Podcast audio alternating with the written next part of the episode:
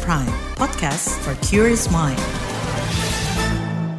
Halo saudara, senang sekali kami bisa menyapa Anda kembali melalui program KBR Sore edisi Kamis 16 November 2023. Saya Sindu Darmawan kembali menemani Anda selama kurang lebih 30 menit ke depan. Saudara, sore ini kita membahas aksi boykot sejumlah produk yang diduga mendukung Israel.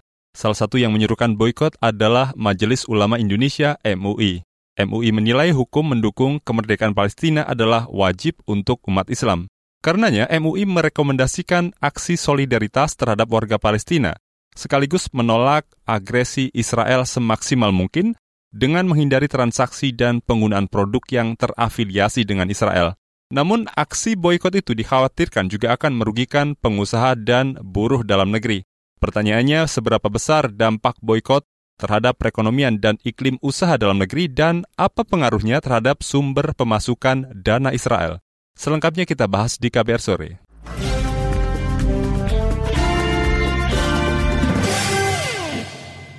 Saudara seruan aksi boykot terhadap produk yang berafiliasi dengan Israel semakin marak sejak perang antara Israel dan Hamas meningkat di jalur Gaza awal bulan lalu. Akibat perang itu ribuan nyawa terbunuh di kedua belah pihak. Israel merilis korban tewas mencapai 1.200 jiwa, sedangkan Palestina hampir 10 kali lipat, yakni lebih dari 11.000 korban jiwa. Merespon situasi itu, berbagai kalangan masyarakat Muslim di tanah air menyerukan protes secara langsung dan tidak langsung, antara lain dengan pemboikatan produk. Salah satunya Majelis Ulama Indonesia MUI melalui penerbitan fatwa tentang hukum dukungan terhadap perjuangan Palestina. Boykot ini merupakan bagian dari gerakan global yang disebut Gerakan Boykot, Divestasi, dan Sanksi atau BDS. Aksi BDS diluncurkan pada 2005 oleh koalisi yang terdiri dari 170 kelompok akar rumput dan masyarakat sipil Palestina. Target boykot itu terfokus pada tiga perusahaan yakni McDonald's, Starbucks, dan Disney+. Plus. Aksi boykot di Indonesia menyasar lebih dari 120 produk yang dianggap pro-Israel. Produk itu meliputi berbagai jenis, mulai dari restoran makanan cepat saji, produk kecantikan, produk makanan dan minuman, hingga pakaian. Wakil Presiden Ma'ruf Amin menegaskan produk yang masuk dalam daftar boykot itu tidak dikeluarkan langsung oleh Majelis Ulama Indonesia. Ya, hanya memang itu nanti harus pemerintah atau pihak-pihak yang tertentu yang sebab MUI kan tidak mengatakan perusahaan ini, perusahaan-perusahaan ini nanti perusahaan-perusahaan apa saja yang memang itu dianggap berafiliasi dan memberikan bantuan. So kalau tidak nanti ke mana-mana. Nah, ini supaya jangan nanti jangan merugikan banyak pihak. Itu tadi Wakil Presiden Ma'ruf Amin. Majelis Ulama Indonesia menegaskan tidak pernah mengharamkan produk-produk Israel dan afiliasinya seperti yang beredar di media sosial.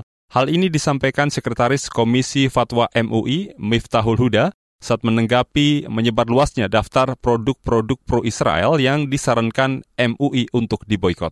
Kami mengajak seluruh masyarakat Indonesia yang menjunjung tinggi nilai-nilai kemanusiaan, tidak batas pada umat Islam, untuk stop minum, makan, dan menggunakan produk yang terafiliasi dengan Zionis Israel Nah ini fatwanya jelas. Nah mengenai tadi disampaikan oleh Buya Sekjen, produk apa saja silakan. Banyak bertebaran di berbagai medsos dalam dan luar negeri. Produk apa yang di saat ini? Gerakan boykot melalui fatwa ini diharapkan kami mengajak semua diikuti dengan sungguh-sungguh oleh semua masyarakat Indonesia sebagai bentuk perlawanan untuk menghentikan agresi Israel atas Palestina. Sekretaris Komisi Fatwa MUI Miftahul Huda belum dapat memastikan produk yang terbukti mendukung Israel. MUI juga tidak berwenang mencabut sertifikasi halal produk-produk yang masuk daftar produk yang diblokir. Sekretaris Jenderal MUI Amir Syah Tambunan meminta publik tidak menghakimi fatwa tentang hukum dukungan terhadap perjuangan Palestina. Saya sering bilang ada aksi, ada reaksi. Apa aksinya? Aksinya ya Zionis Israel melakukan kejahatan perang terhadap saudara kita di Palestina yang mestinya harus merdeka dan berdaulat. Ya kan? Tapi faktanya, lihatlah sudah lebih dari 10 ribu. Ya, 11 ribu. Di, apa namanya, diserang dengan membabi buta. Pertanyaannya, di mana hati nurani yang melakukan perang. Nggak sebanding dengan boykot terhadap produk yang kita lakukan. Jauh, ibarat langit dan bumi. Nah, karena itu tolong dipahami. Jadi jangan fatwanya yang dipersoalkan. Yang dipersoalkan itu adalah perangnya. Karena berdampak terhadap kemanusiaan. Itu tadi Sekretaris Jenderal MUI Amir Syah Tambunan. Pada kesempatan berbeda, MUI Jombang, Jawa Timur menegaskan seruan boykot produk Israel merupakan imbauan yang tidak memiliki kekuatan hukum. Wakil Ketua MUI Jombang, Jawa Timur, Junaidi Hidayat menyebut seruan boykot juga tidak bersifat memaksa. Ya, jadi munculnya fatwa MUI terkait dengan boykot produk produk yang berafiliasi Israel itu memang menyebar di media media sosial maupun di media televisi ya.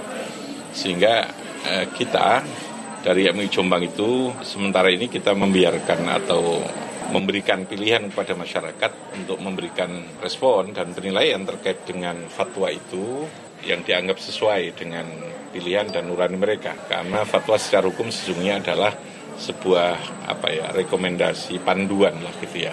Wakil Ketua MUI Jombang Jawa Timur Junaidi Hidayat meminta masyarakat bijak dan proporsional jika mengikuti seruan pemboikotan. Di sisi lain, Menteri Perdagangan Zulkifli Hasan menegaskan tidak akan mengintervensi atau campur tangan terkait pilihan sebagian masyarakat untuk boikot produk tersebut. Itu terserah masyarakat, tapi apakah itu membantu ya? Silahkan saja. Oke? Okay? Yulhas mengatakan Indonesia mengecam serangan Israel kepada Palestina. Ia menyebut serangan terus-menerus itu merupakan pelanggaran berat dan tidak sesuai pembukaan Undang-Undang Dasar Negara.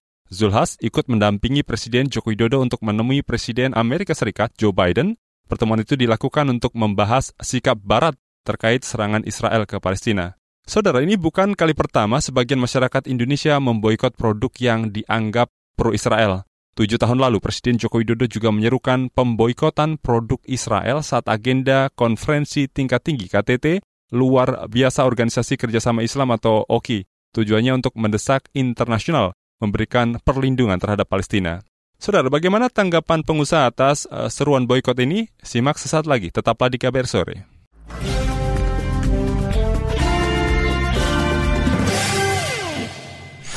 Commercial break. Commercial break. Nonton TV ah, kali-kali aja ada berita bagus. Iya apaan sih? Acaranya gosip, sinetron, itu terus. Matiin aja ah, bosen. Hah, mending baca koran. Coba deh kali ada berita seru ya. Pemilihan presiden tahun 2019. Dih, berita tahun kapan ini? Kirain koran baru. Eh, uh, basi. Perhatian, perhatian. Selain bisa didengarkan di kbrprime.id, kabar baru juga bisa Anda dengarkan setiap jam, Senin sampai Jumat, mulai pukul 7 pagi hingga pukul 8 malam. Di radio jaringan KBR seluruh Indonesia, dari Aceh hingga Papua. You're listening to KBR Prime, podcast for curious mind. Enjoy!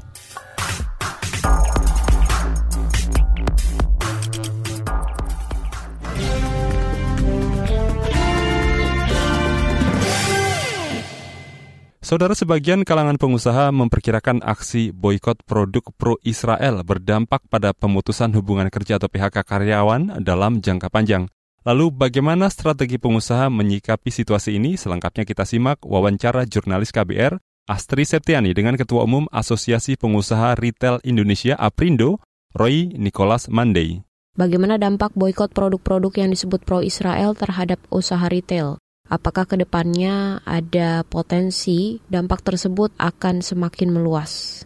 Ya tentunya kita ketahui dampak daripada boykot ini bila dalam jangka pendek tentunya ini belum belum memberikan hal yang signifikan. Tetapi ini akan menjadi satu problem atau permasalahan ketika kita ketahui bahwa yang terjadi uh, di Israel, Palestina, ya maupun juga negara-negara lainnya, ini kan semuanya kita nggak ada yang tahu selesainya kapan. Ya produk-produk yang tidak diizinkan atau yang dilarang dengan adanya boykot, ini pasti akan berkurang produktivitasnya. Artinya kami retail ini tidak pernah produksi barang, dan tentunya kita akan mengurangi order atau PO kepada produsen dan ketika kita mengurangi PO maka proses produksi di produsen itu tentu akan juga mengurangi proses produksinya. Nah, kata-kata mengurangi ini, ini bermakna kepada juga mengurangi tenaga kerja.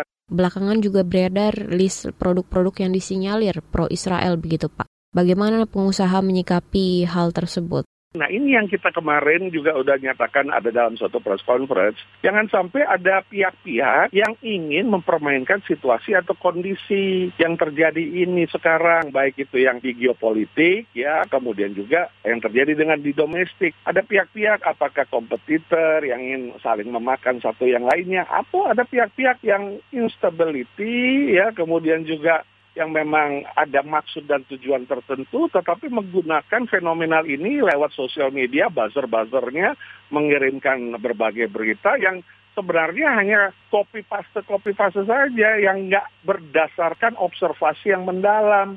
Sehingga ya tentunya MUI sudah menyampaikan bahwa tidak pernah mengeluarkan list-list perusahaan tersebut yang terafiliasi dan sebagainya karena tidak objektif tidak tidak melewati pengkajian yang detail Lalu apa yang diharapkan dari pengusaha begitu untuk menyikapi masalah ini begitu? Nah ini tentunya perlu ditanggapi secara cepat dan bijak, relevan dan adaptif dari pemerintah. Pemerintah nggak bisa membiarkan status kondisi yang terjadinya pemboikotan ini tanpa mengantisipasi dampak-dampak dari boykot.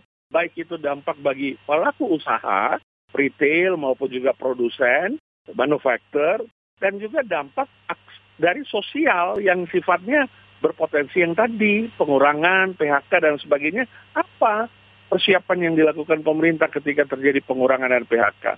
Apa yang dilakukan pemerintah untuk subsidi situasi kondisi pelaku usaha yang tergerus akibat boykot ini. Nah ini kan harus ada langkah-langkah tegas. Nggak bisa pemerintah hanya menyaksikan atau melihat situasi yang terjadi.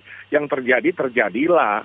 Ya, Kementerian dan lembaga harus bergerak ya. Situasi kondisi seperti ini tidak bisa tidur atau hanya ancang-ancang lihat-lihat dari jauh saja. Kementerian Perdagangan, Kementerian Sosial, Kementerian Tenaga Kerja. Ya begitu banyak kementerian ini yang lembaga yang tentunya harus beraksi ya melakukan balance ya. Mengobservasi lagi perusahaan-perusahaan yang katanya di dalam sosial media ada afiliasi. Dibuktikan dong afiliasinya karena kebanyakan perusahaan-perusahaan yang dikatakan berafiliasi ternyata perusahaan lokal juga. Uh, uh, pemiliknya adalah orang asli Indonesia, tenaga kerjanya orang asli Indonesia. Itu tadi wawancara jurnalis KBR Astri Septiani dengan Ketua Umum Asosiasi Pengusaha Retail Indonesia Aprindo Roy Nicholas Mandey. Di sisi lain, Presiden Asosiasi Serikat Pekerja Aspek Indonesia Mira Sumirat menilai belum ada dampak signifikan yang dirasakan buruh akibat seruan boykot produk yang dinilai pro-Israel. Mirah juga belum menerima laporan soal adanya PHK karena pemboikotan ini.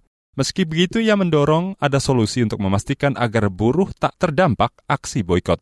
Harapan saya sih tidak ada merugikan atas ini terkait dengan para pekerjanya tentu gitu ya. Dan, uh, dan juga para pelaku usaha dan uh, ada solusi lah bahwa masyarakat Indonesia juga uh, bisa apa ya bisa memahami ya situasi kondisi yang ada di uh, kita kita masih butuh pekerjaan dan lain sebagainya. Itu salah satu. Yang kedua uh, saya sih berharap juga ada semacam usaha-usaha baru yang mungkin muncul. Jadi nggak nggak um, mungkin dengan karena kita seperti ini boykot orang lah ya ada ide-ide baru atau usaha-usaha baru yang mungkin nanti dilakukan oleh para pelaku usaha Presiden Aspek Indonesia Mira Sumirat berharap dengan adanya pemboikotan bakal tercipta ide atau gagasan untuk membentuk usaha lain sehingga pengusaha Indonesia bisa membuat produk serupa yang diboikot. Dengan begitu ia berharap tidak ada PHK atau kerugian yang dirasakan buruh. Saudara, seruan boikot produk yang diduga terafiliasi dengan Israel mendapat tanggapan beragam dari masyarakat. Apakah masyarakat mengikuti fatwa MUI dan merekomendasi boykot tersebut? Kita simak selengkapnya. Seusai jeda, tetaplah di KBR sore.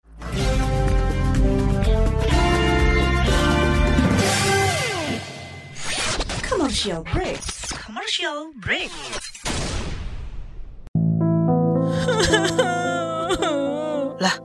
ini anak kenapa? Gue diputusin Rehan. Aduh, yang sabar ya, Andi.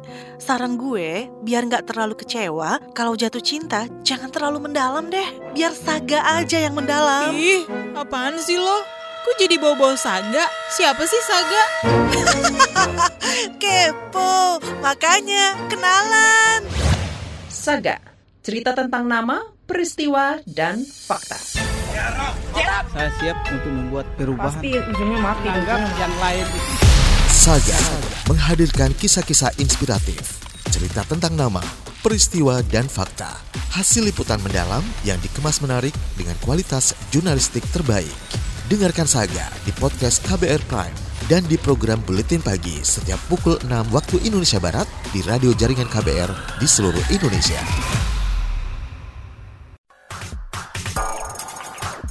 You're listening to KBR Pride, podcast for curious mind. Enjoy!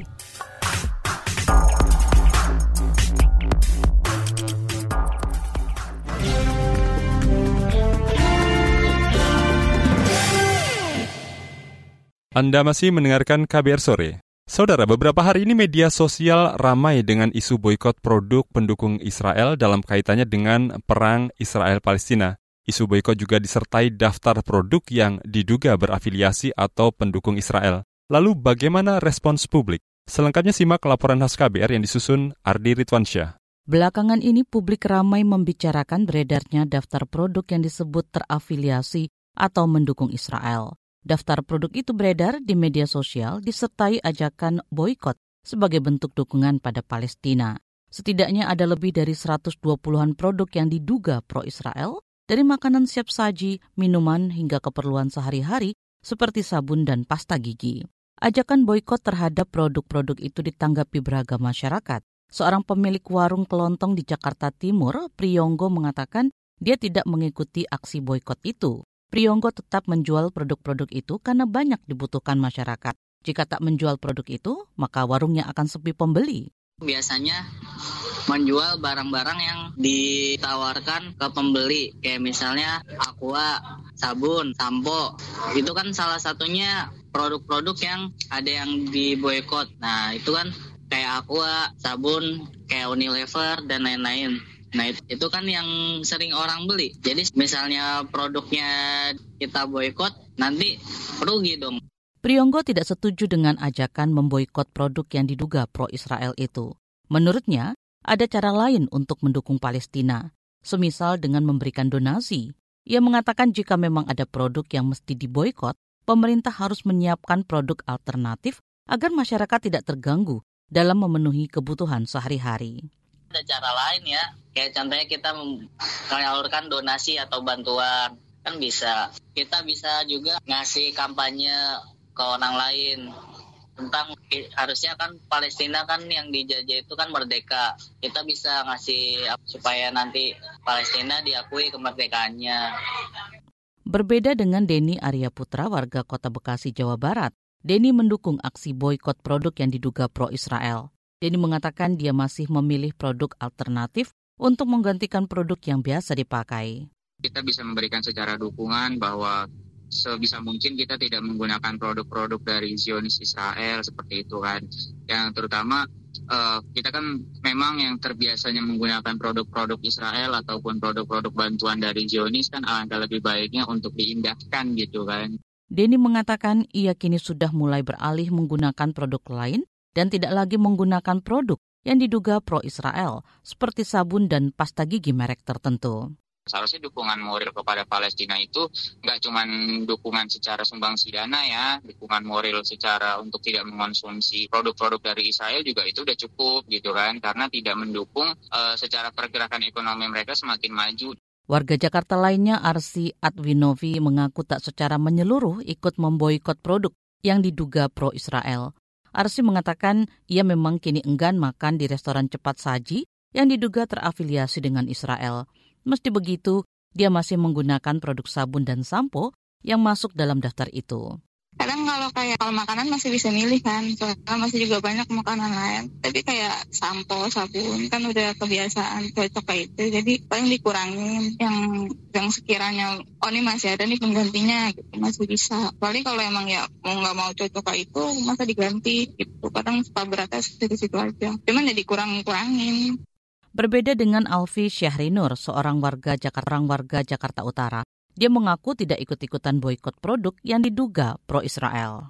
Kalau gue pribadi nggak melakukan boykot, gue sendiri belum tahu sih kalau yang kalau kayak yang rigid-rigid kecil lagi tuh produk-produknya belum tahu. Dan gue taunya kayak produk yang gede-gedenya aja. Itu aja baru tahu dari lu tadi tuh. Ternyata ada produk-produk keseharian yang dipakai gitu. Cuman ke depannya kalau ditanya boykot apa enggak, mungkin susah sih. Mungkin harus tahu dulu produknya. Daftar produk-produk itu muncul tak lama setelah Ormas Majelis Ulama Indonesia MUI Pusat pada 10 November lalu mengeluarkan fatwa agar umat Islam tidak membeli produk-produk Israel atau yang punya afiliasi dengan Israel. Namun tidak diketahui siapa pihak yang mengeluarkan daftar itu. Sekretaris Komisi Fatwa MUI Miftahul Huda mengatakan MUI tidak pernah merilis daftar produk Israel dan afiliasinya yang harus diboykot seperti yang beredar di internet. Selain itu, MUI tidak pernah mengharamkan produk-produk Israel dan afiliasinya seperti yang beredar di media sosial baru-baru ini, MUI tidak mengharamkan produk, melainkan hanya mengharamkan perbuatan yang mendukung Israel. Bantahan juga disampaikan Direktur Eksekutif Lembaga Pengkajian Pangan, Obat-obatan dan Kosmetika Majelis Ulama Indonesia, Muti Arintawati. Muti mengatakan produk-produk makanan dan minuman yang sudah bersertifikat halal tetap halal dan tidak haram untuk dikonsumsi. Demikian laporan khas KBR yang disusun Ardi Ridwansyah. Saya Fitri Anggreni. Saudara, sebagian kalangan pengamat ekonomi menilai aksi boykot produk pro-Israel tidak banyak berpengaruh terhadap perekonomian Indonesia. Aksi itu juga dinilai tidak akan menutup keran sumber pendanaan Israel. Benarkah demikian? Direktur Eksekutif Indef, Tauhid Ahmad akan menjelaskan sesaat lagi di KBR Sore.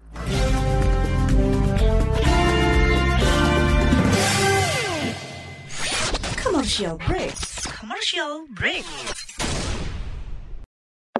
Eh, lu, gue perhatiin kayaknya lu ada yang beda deh. Apanya ya? Iya nih, gue kan baru potong rambut. Makin cantik kan? Ih, GR. Bukan rambutnya yang beda, tapi pembawaan lu. Akhir-akhir ini kayaknya makin semangat dan ceria. Jelas dong. Gimana nggak semangat kalau setiap pagi dapat asupan vitamin BP? Hah? Vitamin BP?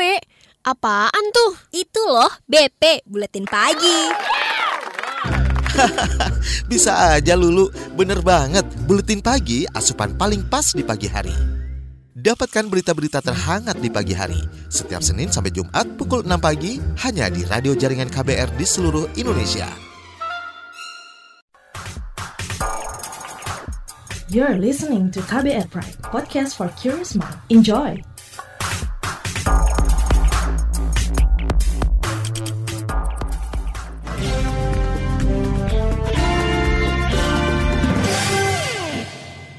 Anda masih mendengarkan KBR sore. Saudara sebagian kalangan kalangan pengamat ekonomi menilai aksi boykot produk pro-Israel tidak banyak berpengaruh terhadap perekonomian dalam negeri maupun Israel. Menurut Direktur Eksekutif Lembaga Kajian Ekonomi Indef Tauhid Ahmad, imbauan MUI dan seruan aksi boykot itu tidak bersifat memaksa, sehingga tidak banyak konsumen beralih ke produk lain yang dianggap tidak mendukung Israel. Selengkapnya simak wawancara jurnalis KBR Hoirunisa dengan Direktur Eksekutif Lembaga Kajian Ekonomi Indef Tauhid Ahmad. Kan ada seruan dari MUI untuk memboikot produk yang disebut pro-Israel. Nah, apakah ini sudah tepat mas aksinya dan sementara kan list produk boikotnya juga sudah beredar begitu di media sosial dan dan tidak ada pihak yang bisa dipertanggungjawabkan begitu siapa yang mengeluarkan. Nah, ini sebenarnya bagaimana Mas Harus? Menurut saya yang pertama ya kalau asal muasalnya belum jelas, saya kira belum jadi dasar hukum ya, apalagi menurut agama melarang produk itu begitu. Nah, menurut saya memang kalau itu sekedar imbauan mengatasnamakan berarti kan hoak ya. Saya kira memang menjadi kurang elok apalagi mengatasnamakan lembaga Islam ya. Sehingga harus diklarifikasi secara tegas bahwa berita itu hoak. Ya kalau himbauan menurut saya hak MUI ya karena mereka kan uh, memperjuangkan uh, masyarakat muslim di sana secara politik yang uh, kita tahu uh, apa sekarang lagi mengalami kesulitan yang luar biasa karena agresi begitu ya atau karena perang. Saya kira sah-sah saja MUI mengeluarkan. Tetapi namanya himbauan kan nggak ada pakaan. Silakan masyarakat memilih. Oh ini kan bukan larangan kecuali fatwanya haram tuh. Jadi ya silakan masyarakat mengambil pilihan politik. Ini kan bukan sekedar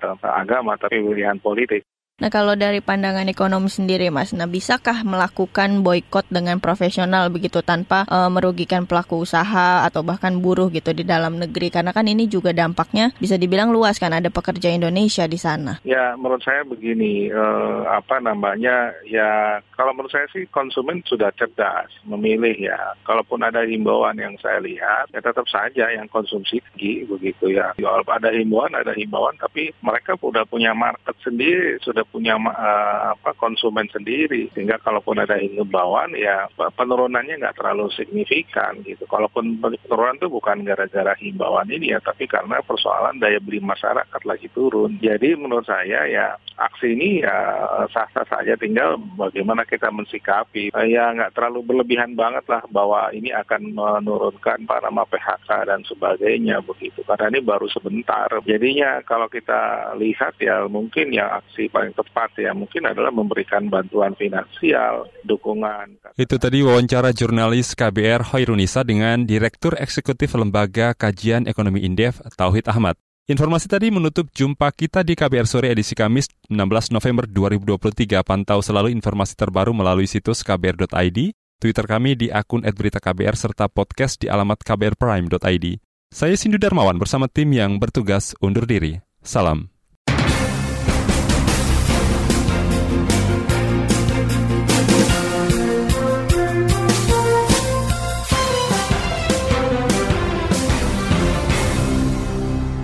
KBR Prime, cara asik mendengar berita. KBR Prime, podcast for curious mind.